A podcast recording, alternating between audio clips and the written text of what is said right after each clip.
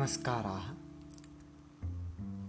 सर्वेभ्योऽपि पूर्णिमायाः शुभाशयाः।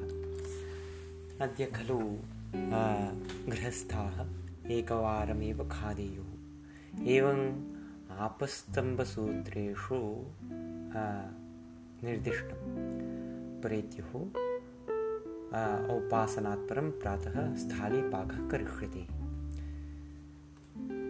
अस्तु। विषयान्तरम्। ओ बहु विषादस्य विषयः।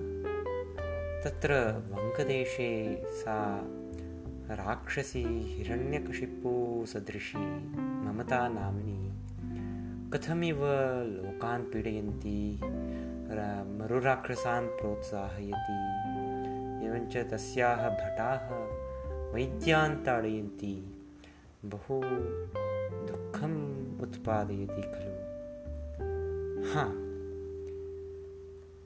अनिष्टमेतत्। केन किं कर्तुं शक्यम्? कालचक्रं वर्तिष्यते। यदि केन्द्रसर्वकारः स्व स्वराज्यं बलेन तत्र वङ्गदेशे स्थापयिष्यति तर्हि लोके प्रतिभटनं भवेत् अपि च विपरीतमपि फलं लभेम। अतः यत् ते तटस्थाः दूरे तिष्ठन्ति एकया दृष्ट्या तद् उचितमेव भाति। यदि ते वस्तुतः महासङ्ग्रामार्थं सिद्धाः तर्हि प्रजाप्रभुत्वं नाम मूर्खतन्त्रं निष्कास्य अस्माकं हिन्दुकसाम्राज्यं किमपि संस्थाप्य राज्यं कुर्युः। परन्तु तादृशी दृढकल्पना तेषां नास्ति। भारतीयजनतापक्षस्य नास्त्येव। राष्ट्रीयस्वयंसेवकसङ्घस्यापि प्रायेण नास्ति। तेन कारणेन ते विवशाः। अत्र तत्र सर्वत्रापि हिन्दुकानां पीडनं ब्राह्मणदूषणं वेदनिन्दनम् इत्यादिकं सहन्तः न सहमानाः वर्तेरन्।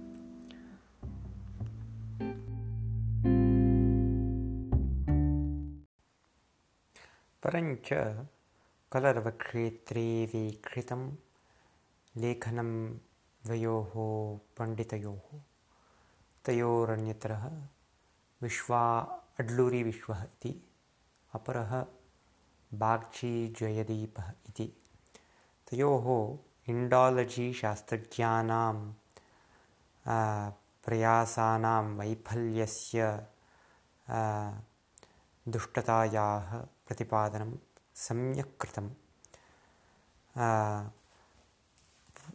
तत्र लेखस्य नाम न स्मरामि महाभारतविषयकं किञ्चन अत्यन्तं लघु किञ्च तत्र अन्तिमे पृष्ठे सार्वत्रिक्या इण्डालजि शास्त्रज्ञानां प्रयासानां वैपरीत्यं वैफल्यञ्च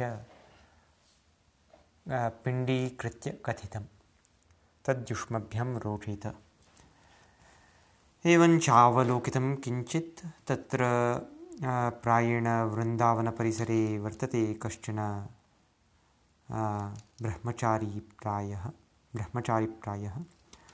यस्य जीव फौण्डेशन् इति किमपि संस्था वर्तते, तस्य जालक्षेत्रे काले काले रुचिकरान् लेखा रुचिकराः लेखाः प्रकाशयति।